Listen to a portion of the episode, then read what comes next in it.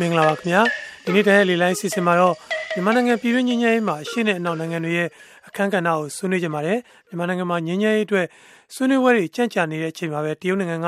အာရှရေးအထူးကိုယ်စားလှယ်ဆွန်ကော့ရှန်ဟာနိုင်ငံတော်အတိုင်ပင်ခံပုဂ္ဂိုလ်ဒေါအောင်ဆန်းစုကြည်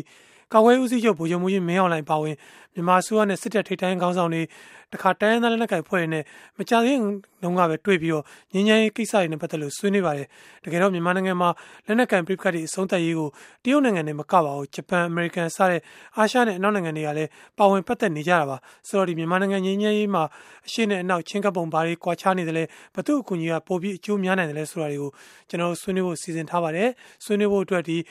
ဒီ တရုတ်နိုင်ငံအခြေစိုက်မြန်မာရေးလေးလာသူဒေါက်တာလှကျော်စောနောက်ဒီ1990ပြည့်ရွေးကောက်ပွဲမှာစကိုင်းတိုင်းပလဲမြို့နယ်ကလွတ်တော်ကိုယ်စားလှယ်ဖြစ်ခဲ့မှုဒေါက်တာတင်းဆွေဒေါက်တာတင်းဆွေကဒီမြန်မာနိုင်ငံအိန္ဒိယအိန္ဒိယတို့အမေရိကတို့မှာလည်းအတွေ့အကြုံတွေရှိခဲ့မှုတဲ့ပုံကိုတရားဖြစ်တဲ့အတွက်ကျွန်တော်ဒီတရုတ်နဲ့အမေရိကန်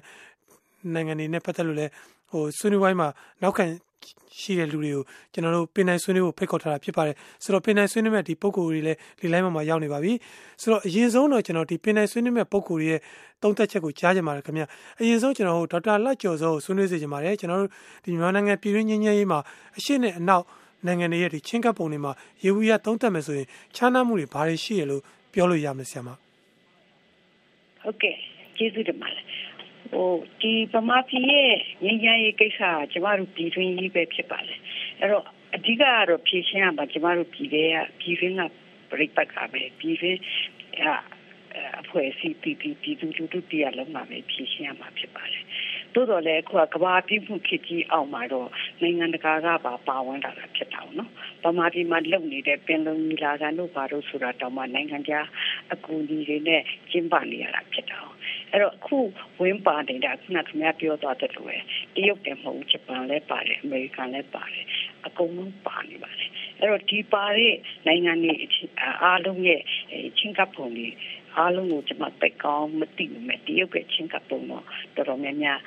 အဲလာပြီးရှိရပါတယ်။ဘာဖြစ်လို့လဲဆိုတော့ကျွန်မနေနေတာလဲတရုတ်ပြည်ဖြစ်တော့တရုတ်ပြည်ကထုတ်တဲ့သူတို့တရုတ်ဝင်ထုတ်တဲ့စာရွက်စာတမ်းတွေလည်းလေ့လာရတော့သိရပါတယ်။အဲ့တော့တရုတ်ပြည်ကဗမာပြည်ရဲ့အရေးကိုကြည့်မြင်တဲ့အခါမှာ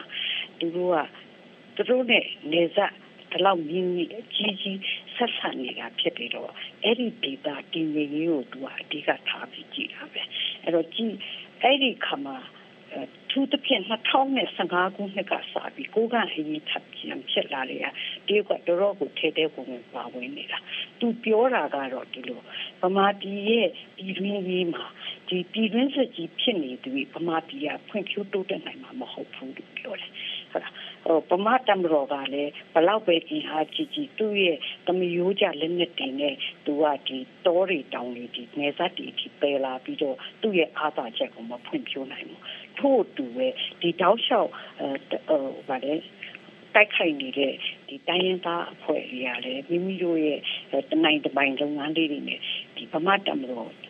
အတွင်းပိုင်းထိတော့ဝင်တိုင်နိုင်တာမဟုတ်ဘူးအဲ့လို ပြည်တွင်းစစ်ကြီးရှေ့ကြားနေရင်ဒီပြည်တွင်းစစ်ကြီးကပမာပြည်ကိုကြာဆုံးနိုင်ငံဖြစ်စေမယ်ထို့အတူပဲဂျန်တဲ့နိုင်ငံတွေအဲဂျန်တဲ့နိုင်ငံတွေအထူးသဖြင့်ဒေတာပေါ့နော်အရှိတောင်အားချဒေတာတစ်ခုလုံးကိုလည်းဆွဲချသွားနိုင်တယ်တူကအစိုးရအဲ2015ရဲကစပြောတယ်ဒါကြောင့်ဒီပမာပြည်ရဲ့ပြည်တွင်းစစ်ကိုရပ်ဖို့အတွက်ပမာပြည်ပေါ်မှာစေတနာထားတဲ့တိုင်းပြည်များရော နိုင်ငံတကာအဖွဲ့အစည်းများရောလက်ဦးမှုရှိရှိဝင်ရောက်ပါဝင်တဲ့လို့ပြောတယ်။နောက်ဒုတိယအချက်ကတရုတ်ကနိုင်ငံခြားရေးမူဝါဒအပြောင်းလဲတရုတ်ကနိုင်ငံခြားရေးမူဝါဒအပြောင်းလဲကအခုနောက်ပိုင်းပိုပြီးတော့ထင်ရှားတယ်။သူကလက်ဦးမှုရှိတဲ့နိုင်ငံခြားရေးမူဝါဒကိုကျင့်သုံးတာလေ။ဒါကြောင့်မို့ဗမာပြည်အရေးမှာတရုတ်ကပိုပြီးတော့ထဲထဲဝင်ဝင်ပါဝင်လာတယ်။တတိယအချက်က အခုအနောက်တိုင်းနိုင်ငံတွေကနည်းနည်းဗမာပြည်ကိုတအားဖိအားပေးလာတယ်ရိုဟင်ဂျာကိစ္စပေါ့နော်အဲ့ဒီကိစ္စမှာတအားဖိအားပေးလာတော့ ICC တို့ဘာလို့လဲပို့ပြီးတော့ဖိအားပေးလာလေလေတရုတ်ကဒါကိုကာကွယ်ပေးပြီးတော့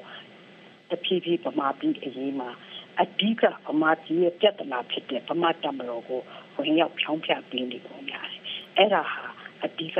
ဗမာပြည်ရဲ့နိုင်ငံရေးအတွက်အခရာပဲ ဟုတ်ကဲ့ပါခင်ဗျာဆရာဒေါက်တာတစ်ဆွေရဲ့သဘောထားခင်ဗျာကျွန်တော်တို့ဒီအရှိနဲ့နောက်ဒီမြန်မာနိုင်ငံပြည်တွင်းငြိမ်းချမ်းရေးနဲ့ပတ်သက်လို့ချင်းကပ်ပုံတွေမှာဘယ်လိုခြားနားမှုထူးထူးခြားခြားတွေ့မိလဲဆရာဟုတ်ကဲ့အဲကကျွန်တော်တို့ပြီးခဲ့တဲ့အစိုးရသမ္မတဦးသိန်းစိန်လက်ထက်ကလေးကဒီငញ្ញရေးလုပ်ငန်းစဉ်ပဲဆိုပါစို့နာမည်တို့ဟိုကောင်းစဉ်တွေကတော့အမျိုးမျိုးတော့ရှိတာပေါ့အဲ့ဒီပုံမှာအဓိက EU ဥရောပသမဂ္ဂကအဓိကငွေလုံးငွေရင်းတွေအများကြီးနဲ့ကူညီတယ်အဲ့နောက်မှာခုနကိုအောင်လုံးပြောတဲ့နိုင်ငံတွေရောပေါ့နော်အမေရိကန်ရောအာဂျပန်ရောစတဲ့နိုင်ငံတွေကပါငွေအင်အားနဲ့အများကြီးကူညီခဲ့ကူညီပြီးတော့လှုပ်ဆောင်ခဲ့တာတွေပြီးတော့မှလှုပ်ဆောင်ခဲ့တာတွေလည်းအလုံးကြည့်ပြီးတာပေါ့နော်ဖွဲ့စည်းတွေမျိုးမျိုးအစည်းအဝေးတွေမျိုးမျိုးဒီဝီဒီယိုနိုင်ငံတွေအစုံမှကျင်းပတာဆိုတော့လုပ်ခဲ့တယ်အခု NLD ဆိုရလက်ထက်မှာခေါင်းစဉ်နာမည်ပြောင်းပြီးတော့ချင်းကနီတမျိုးပေါ့နော်အဲ့ဒီနေနဲ့လုံနေတာလေရှိပါတယ်အဲ့တော့ကြီးလိုက်ရင်ကျွန်တော်ဒီဆိုရလက်ထက်နှစ်ခုလုံးမှာငញ្ញမ်းရေးတိုးတက်လာသလားလို့မေးတော့ကျွန်တော်ကတော့တိတ်အားမရဘူးခင်ဗျာနှစ်ဆက်လုံးမှာငញ្ញမ်းရေးဒီနီးစပ်လာပြီလားလို့မေးတော့ကျွန်တော်ကနီးစပ်တယ်လို့မထင်သေးဘူးပေါ့နော်ဟုတ်ကဲ့အဲ့တော့အနောက်နိုင်ငံတွေနဲ့တရုတ်ရဲ့ချင်းကပ်မှုကိုဖြေ ရရင်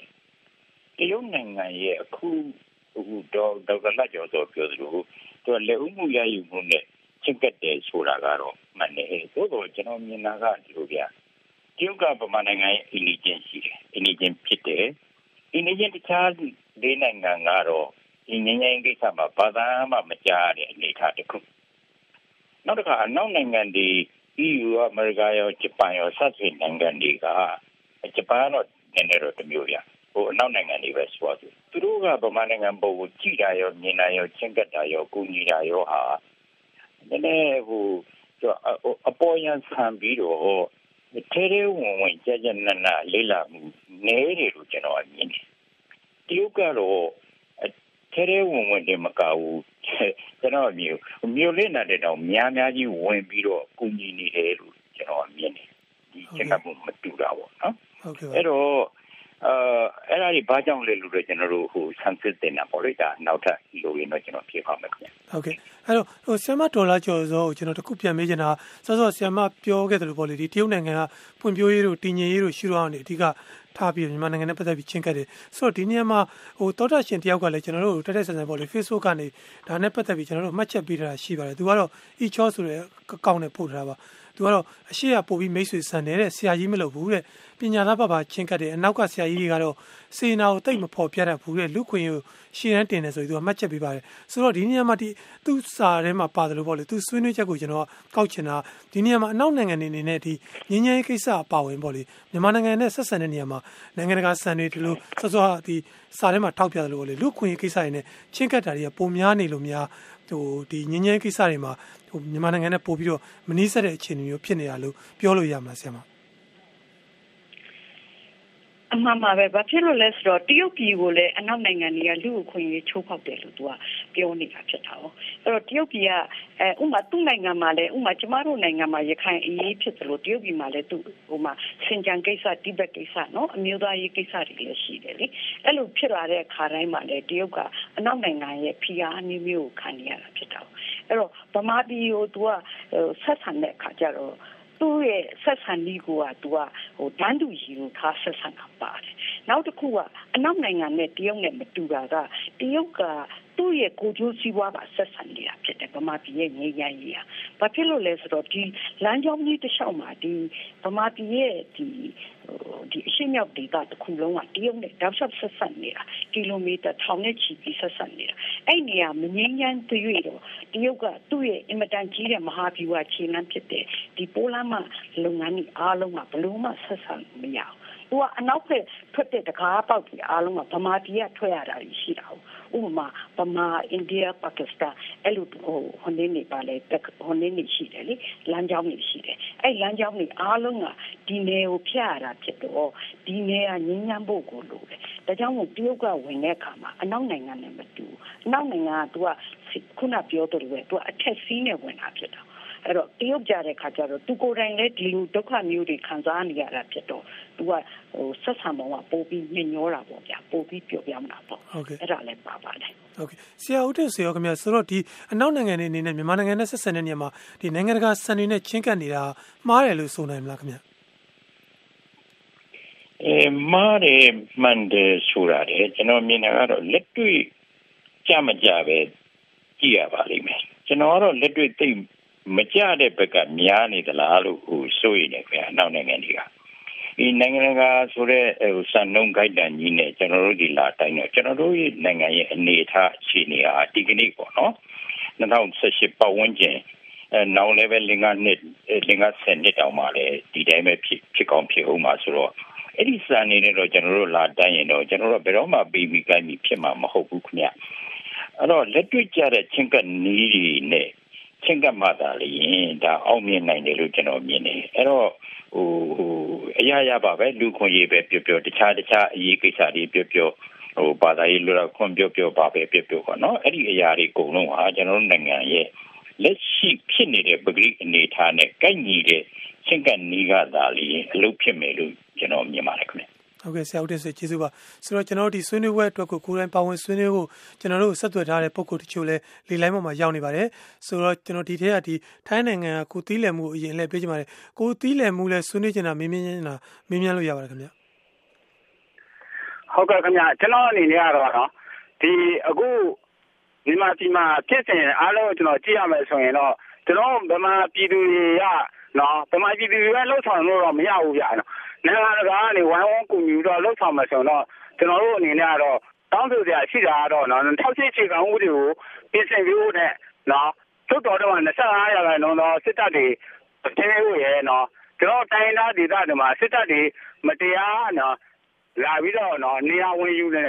စကားနဲ့ဝင်ချတာတွေကိုရုပ်သိမ်းဖို့ ကျွန်တော်တို့အဓိကလိုအပ်ပါတယ်ခင်ဗျဘာလို့လဲဆိုတော့ကျွန်တော်ဓာတ်လို့ခွင့်ရေးလဲကျွန်တော်တို့ပါတယ်လို့ကျွန်တော်ပြောချင်ပါတယ်ခင်ဗျဟုတ်ကဲ့ကိုတီးလည်မှုသဘောထားတော့ဒီဟိုကျွန်တော်တို့ဒီဆွေးနွေးပွဲကနေတစ်ဆင့်နောက်ထပ်ဆွေးနွေးရမယ့်ကိစ္စလို့ဖြစ်နေပါတယ်နောက်တူကတော့ကျွန်တော်ဒီမလေးရှားနိုင်ငံကိုနေဦးလင်းမှာကိုနေဦးလင်းသဘောထားလဲဆွေးနွေးလို့ရပါတယ်ခင်ဗျအော်ကျွန်တော်သဘောထားကတော့အဓိကကတော့ policy ပါပဲဗျာအနောက်အုပ်စုရဲ့ဗမာပြည်ကိုနားလေတဲ့ policy ကတော့ လွဲနေတယ်လို့ပဲခေတ်ဆက်ဆက်ကလွဲနေတယ်လို့ပဲအဲ့လိုထင်ပါတယ်ဗျာနောက်လည်းပဲလွဲဦးမှာပဲဘာကြောင့်လဲဆိုတော့ကျွန်တော်တို့ဗမာလူမျိုးတွေရဲ့စိတ်နေစိတ်ထားအလေးအလေးစရိုက်အလေးဟိုပါပေါ့နော်အဲ့ဒါတွေကိုသူတို့ကအနောက်အုပ်စုဟာနားမလဲဘူးလို့ပဲကျွန်တော်ကတော့ပြောချင်နေပါရအဲ့ဒါကြောင့်လည်းပဲ policy မှားနေတဲ့အတွက်လည်းပဲဗမာပြည်နဲ့ပတ်သက်တဲ့ကိစ္စသူတို့ဘယ်လိုပဲ ဟိုကူညီတာဖြစ်စေမကူညီတာဖြစ်စေလွဲနေဦးမယ်လို့ပဲကျွန်တော်ထင်ပါတယ်ဗျဟုတ်ကဲ့ခုနေဦးလေးဆွေးနွေးတာကျေးဇူးပါဆိုတော့ကျွန်တော်နောက်တူကတော့ဒီမြန်မာနိုင်ငံကိုခမောင်လွင်ဖြစ်ပါတယ်ကိုခမောင်လွင်လည်းဆွေးနွေးလို့ရပါတယ်ခင်ဗျဟုတ်ကဲ့ကျွန်တော်ဆွေးနွေးကြတော့အချက်လေးချက်နဲ့ဆွေးနွေးကြပါတယ်နံပါတ်1အချက်နဲ့အမေရိကန်အပေါင်းအနောက်နိုင်ငံများရှင်းတဲ့ပုံဒီဒီလိုဒီဆန်သူ့ကိုဆန်ရဲ့ကန့်ရဲ့အစိုးရဖြစ်ဖို့အဲအနောက်နိုင်ငံတွေကဥစားပြီးဆက်ဆက်နေခြင်းဖြစ်ပါတယ်အဲဒီ ဒါမှလည်းတို့နိုင်ငံရဲ့အကူအညီပေးဖို့ကူညီပေးနိုင်တဲ့နိုင်ငံဖြစ်မယ်လို့ကျွန်တော်ယုံကြည်ပါတယ်။နံပါတ်2အချက်တွေကတော့တရုတ်ပါဝင်အချက်နိုင်ငံများရှင်းကပုံကတော့တရုတ်အကျိုးစီးပွားအတွက်ဆက်လက်နေဖြစ်ပါတယ်။ရှင်းကပုံတစ်ခုလုံးကတော့မြန်မာအစိုးရနဲ့တက်မတော်ကစိတ်ဝင်စားမှုရှိပါဘူး။အဲ့ဒီခုလုံးကိုမြန်မာအစိုးရနဲ့တက်မတော်စိတ်ဝင်စိတ်ဝင်စားပါဘူး။ဒီကတော့အမေရိကန်ငင်းငင်းရရှိဖို့ဆိုရင်တော့ဟော NLD အစိုးရအနေနဲ့ပါဝါရှိပါဝါပါဝါရှိတော့အစိုးရဖြစ်ဖို့လိုပါတယ်။အဲတက်မတော်တ က်မတော်ကိုစစ်တပ်ရောက်ပြောင်းဖို့နိုင်တဲ့အစိုးရမျိုးဖြစ်ဖို့လိုပါတယ်။ဖွဲ့စည်းပုံအခြေခံဥပဒေကိုလည်း1949ခုနှစ်ဖွဲ့စည်းပုံပုံစံမျိုးဖြစ်ဖို့လိုပါတယ်လို့ကျွန်တော်ဆွေးနွေးလိုပါတယ်ခင်ဗျာဟုတ်ကဲ့ကိုခမောင်လည်းဆွေးနွေးတာကျေးဇူးပါနောက်ထပ်ကျွန်တော်တို့ဒီ Facebook ကနေမှတ်ချက်တွေပေးထားတာတချို့လည်းရှိပါသေးတယ်စုမုံမဲ့ဖတ်ပြပေးပါဦးခင်ဗျာ ဟုတ်ကဲ့ပါရှင်ဒီ Narayan Dakhel ဆိုတဲ့အကောင့်ကတော့မြန်မာနိုင်ငံကောင်းစားရေးကိုတကဘာလုံးမှာရှိတဲ့နိုင်ငံတွေကလိုလားတယ်ဆိုတာယုံကြည်ပါတယ်တဲ့သို့တော့တရုတ်ကလိုလားတယ်ဆိုတာကတော့အခုထိမယုံကြည်နိုင်သေးပါဘူးတဲ့တရုတ်ဆိုတာကမိမိရဲ့နိုင်ငံကောင်းစားရေးအတွက်တော့ဆရာကြီးတစုပါဒီနေရာမှာတရုတ်ကိုအလွန်လေးစားဖို့ကောင်းပါတယ်အိမ်ကြီးချင်းမဖွံ့ဖြိုးမတိုးတက်သေးတဲ့နိုင်ငံတွေပေါ်ဗိုလ်ကျတာကိုလည်းတွေ့ရပါတယ်မြောက်ကိုရီးယားကိုမွေးစားသားလှုပ်ထားတယ်မြန်မာနိုင်ငံမှာလည်းလက်နက်ကင်တိုင်းရင်းသားတွေကိုမြောက်ကိုရီးယားလိုမျိုး မွေးစားသားလှုပ်ထားတယ်ဟုတ်မဟုတ်သုံးသပ်ပေးပါခင်ဗျခင်ဗျာတဲ့နောက် Charles 2ဆိုတဲ့အကောင့်ကပြည်တွင်းစစ်စဖြစ်ရတဲ့အဓိကအကြောင်းရင်းကတော့ဒန်းတူအခွင့်အရေးကြောင့်မဟုတ်ပါဘူးတဲ့ ဗြိတိန်နဲ့ အနောက်နိုင်ငံတွေရဲ့ နှောက်ယှက်မှုကြောင့်ပါတဲ့ နောက်ပိုင်းမှာတော့ တရုတ်က ကချင်ပြည်နယ်ကတယန်ဇာတတိုက်ကြီးကို တူးဖော်ကြည့်ရကနေ အနှောက်ယှက်မရှိ ရသွားပါတယ် အလကားရတဲ့ မြမတယန်ဇာတတွေကို တရုတ်က စီးပွားတက်အောင် လုပ်ယူတယ် မြောက်ပိုင်းက လက်နက်ချဖို့ဆိုတာ တရုတ်ကတယန်ဇာတနဲ့ လက်နက်လဲလှယ်မှုရမှ ဖြစ်နိုင်ပါတယ်တဲ့ နောက် Gamsan Dashi ဆိုတဲ့ အကောင့်ကတော့ တရုတ်တွေရဲ့ စိတ်ကတမျိုးပါတဲ့ ပြောရင်တော့ ရှေ့ပါတယ် သူ့မျက်စိရှေ့မှာပဲ သူကြည့်တယ် လူသားချင်းစာနာတဲ့စိတ် ရှိတယ်လို့ မထင်ဘူးဆိုပြီး ရေးထားပါတယ် ကိုအောင်လင်းဦးရေ ဟုတ်ကဲ့ဟုတ်ကဲ့ကျေးဇူးပါခင်ဗျာဒါဒီ Facebook Market တွေမှာတော့ဒီတရုတ်နိုင်ငံရဲ့အခန်းကဏ္ဍနဲ့ပတ်သက်ပြီးတော့တန်တရားအမြင်တွေတော်တော်များများတွေ့နေရပါတယ်ဒါလည်းပဲဒီအရင်စစ်ဆိုးရတွေဆက်ဆက်လက်ထက်ကဒီနိုင်ငံရေးစီးပွားရေးရမြန်မာနိုင်ငံကိုဟိုတရုတ်ကဒီဩဇာလွှမ်းမိုးတာတွေကလည်းရောင်မြန်ဟပ်နေတယ်လို့ပြောရလိမ့်မယ်ထင်ပါတယ်ဆိုတော့ဒါနဲ့ပတ်သက်လို့ဒေါက်တာလာကျော်စောကိုကျွန်တော်မေးချင်တာဒီလိုရေကမြေကအခြေအနေတွေရှိနေတယ်ဒီလူလူကြားထဲမှာလည်းတရုတ်ပေါ်မှာဒီလိုအမြင်မကြည်လင်တဲ့အခြေအနေမျိုးတွေရှိနေတဲ့အချိန်မှာတရုတ်နိုင်ငံကဒီမြန်မာနိုင်ငံပြည်တွင်းငင်းငယ်ရေးလို့အရေးကြီးတဲ့ကိစ္စမျိုးမှာဟိုထဲထဲပုံဝင်ပါဝင်နေတာကရောဒီလက်တွေ့မှာအကျိုးရှိနိုင်မှာမလားဆရာမ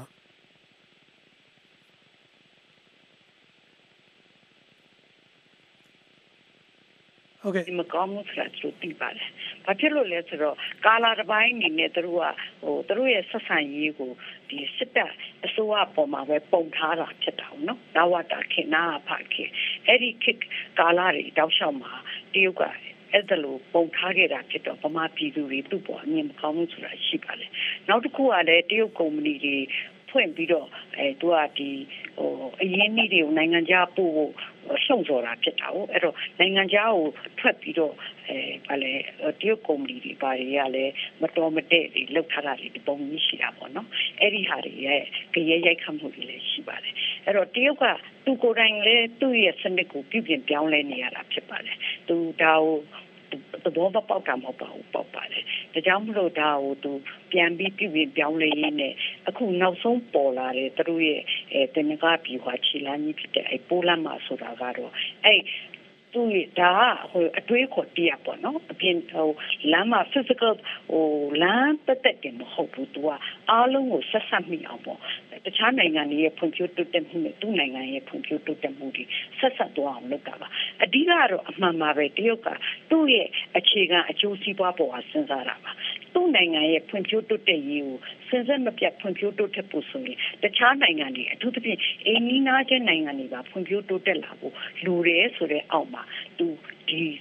စီမံကိန်းကြီးကိုစတာပါပဲအဲ့တော့ဒါကိုကျမတို့ဗမာနိုင်ငံအနေနဲ့အရင်တုန်းကအစိုးရအဆက်ဆက်ကကိုယ့်အိတ်ထဲကိုထည့်ခဲ့တော့ကျမတို့နစ်နာတာဖြစ်တယ်ဒါကိုကိုကတိုင်းပြည်အတွက်အကျိုးရှိအောင်အသုံးချနိုင်မယ်ဆိုရင်ပိုပြီးကောင်းမှာပါအဲ့တော့ဒီလမ်းကြောင်းကိုအဓိကကြတာကိုတိုက်ပြည်ရဲ့ကိုအစိုးရပဲအဓိကကြတယ်လို့ကျမတို့ပြင်ပါတယ် ဟုတ်ကဲ့ဆရာဦးတဆွေရဲ့သဘောထားခင်ဗျာအခုကျွန်တော်တို့ဒီဒီမြန်မာနိုင်ငံမှာရေဝရာအဖြစ်ဒီအရင်အစအဆက်ကတရုတ်နိုင်ငံဩဇာလွှမ်းမိုးခဲ့တာတွေရှိတော့ဒီပုံမှာလူလူကြားမှာဆိုရင်လည်းဟိုမကျင်တဲ့သဘောထားမြင်နေရှိနေပါတယ်ဆိုတော့ဒီလိုအခြေအနေမျိုးမှာတရုတ်နိုင်ငံကဒီငင်းငယ်လိုလုပ်ငန်းစဉ်မျိုးမှာထဲထဲဝင်ပါဝင်ခြင်းအဖြစ်ဟိုအကောင့်တဲ့အစိုးရဖြစ်နိုင်တဲ့အခြေအနေမျိုးတွေရောဖြစ်မလာနိုင်ဘူးလားဆရာဟုတ်ကဲ့ခင်ဗျာကျွန်တော်အဲ့ဒီမိကွန်းအရင်ခုနဆွေးနွေးကြတာလေးတွေထဲမှာနှစ်ထပ်နှစ်ခါသုံးခါလောက်ကြားတယ်ဟိုအနောက်နိုင်ငံတွေနဲ့အာရှဆိုတဲ့အမြင်လေးတစ်ခုပေါ့နော်ကြားတာလေးကိုကျွန်တော်ပဏ္ဍဖွဲ့အရင်ဆုံးရှင်းပြပြီကျွန်တော်တို့နိုင်ငံမှာဟိုအရှိအနောက်နဲ့ဟလာအရေးရှင်နိုင်ငံနဲ့ဟိုအရေးရှင်မဟုတ်တဲ့နိုင်ငံတွေဆိုပြီးအမြင်သဘောထားကွဲခွဲခြားမှုခွဲခြားမြင်တာတွေကလွန်ခဲ့တဲ့နှစ်50ကလေးကကျွန်တော်တို့ရှိခဲ့တယ်ရှိခဲ့တော့အများဆုံးအပြစ်တင်တာအနောက်နိုင်ငံတွေတို့ရေးရှင်နိုင်ငံတွေတို့လောက်ပဲဟိုပြောကြဆိုကြရေးကြကြပြတော်ဆက်ကြတာပေါ့နော် ဒီကနေ့ကျတော့အဲ့ဒီကာလာတို့စေကာလာတို့ကဒီအမေရိကန်ဥဆောင်တဲ့နောက်နိုင်ငံတွေကတနည်းလို့တယ်ဟိုဆိုဗီယက်ဥဆောင်တဲ့ကွန်မြူနစ်နိုင်ငံတွေကလည်းကျွန်တော်တို့နိုင်ငံပေါ်မှာတခြားနည်းနဲ့ဟိုရှင်းရှင်းပြောသူတို့ကိုယိုစီဘွားအတွက်ဟိုတိမ်သွင်းစီယုံဝါဒဖြန့်ခဲ့တာတွေကလွန်များတယ်ကျွန်တော်တင်တဲ့ဇာတ်တွေပဲဟိုချင်းကနေတာမတူတာကျွန်တော်တို့ကိုကျွန်တော်တို့နိုင်ငံကိုစားတူဟိုဟိုဟိုတနည်းအားဖြင့်ပေါ့နော်ဟိုတိမ်သွင်းစီယုံ ဟိုခဲ့ကြတာတွေကြီးတယ်ဟိုအပြစ်တင်တော့နောက်နိုင်ငံပဲတင်နေကြတယ်ဆိုတာတော့မမှန်ဘူးလို့ကျွန်တော်မြင်နေပြန်ဒါ150ကာရကဒီနေ့ရောအဲ့ဒီလိုမဟုတ်ပဲလေအမေရိကန်နဲ့တရုတ်ဆိုတဲ့နှစ်ခုလို့ဒီကရှင်းလာပြီးတော့ပြောနေကြပြန်တယ်တတကယ်တော့အမေရိကန်နဲ့တရုတ်တော့မကဘူးတကယ်ဆိုရင်ဒါဟိုဟိုကိုလာလမလုံမျိုးကောင်စီမှာအများအားထိုင်နေငါးနိုင်ငံက သူတို့ငါးနိုင်ငံနိုင်ငံလုံးဟာသူတို့နိုင်ငံရဲ့အကျိုးစီးပွားအတွက်ပဲကြည့်ပြီးတော့ကျွန်တော်တို့နိုင်ငံကိုကောင်းဟဲဆိုဟဲလုပ်နေကြတာလို့ကျွန်တော်တို့အဲ့လိုမြင်တဲ့နေလို့ပနာမှာပြောခြင်းတယ်ဟုတ်မိခွန်းဖြစ်တဲ့တရုတ်နိုင်ငံ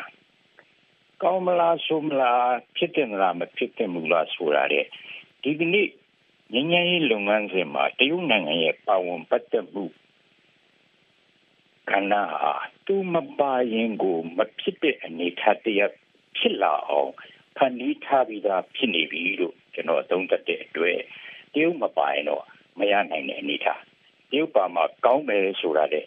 သူပါမှာဖြစ်မဲ့အနေအထားတရကိုလွန်ခဲ့တဲ့ဆယ်စုနှစ်တစုနှစ်စုလောက်ကတရုတ်ကဖန်တီးထားပြီးသားဖြစ်တဲ့အခင်းကျင်းကြီးဖြစ်နေတဲ့အတွက်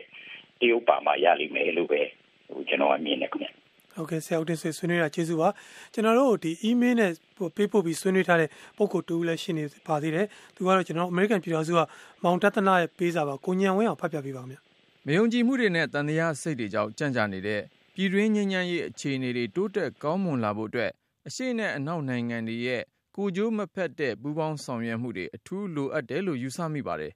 ဒါပေမဲ့ရခိုင်အရေးဖြစ်ပွားပြီးနောက်ပိုင်းကုလသမဂ္ဂအပါအဝင်အနောက်နိုင်ငံတွေဟာ ပြည်တွင်းငြိမ်းချမ်းရေးထက် ရခိုင်အရေးကို ပိုပြီး စိတ်ဝင်စားလာနေတာကြောင့် ပထဝီနိုင်ငံရေးအရ အရှေ့နိုင်ငံတွေနဲ့ ပိုမိုနီးစပ်လာခြင်းက သဘာဝကျတယ်လို့ ယူဆမိပါတယ်။အထူးသဖြင့် မချစ်တော်လဲအောင့်ငါနန်းဆိုသလို တရုတ်နိုင်ငံနဲ့ ပူးပေါင်းဆောင်ရွက်မှုတွေကို ပိုမိုလက်ခံလာရပါတယ်။အကြောင်းကတော့တက်မတော်ခေါင်းဆောင်တွေပါဝင် လူမျိုးစုလက်နက်ကင်ခေါင်းဆောင် အများစုဟာဝိရစေဝါပြဿနာကနေစီရေး စီးပွားရေး ကဏ္ဍအလုံးစုံ တရုတ်နိုင်ငံကိုဓာတ်ရိုက်တော်၎င်း သွယ်ဝိုက်ပြီးတော့သော်၎င်း မှီခိုအားထားနေရလို့ပါပဲ။နောက်ပြီး ငြိမ်းချမ်းရေးဖြစ်စဉ်မှာ တရုတ်နိုင်ငံက ထဲထဲဝင်ဝင် ပါချင်နေတာက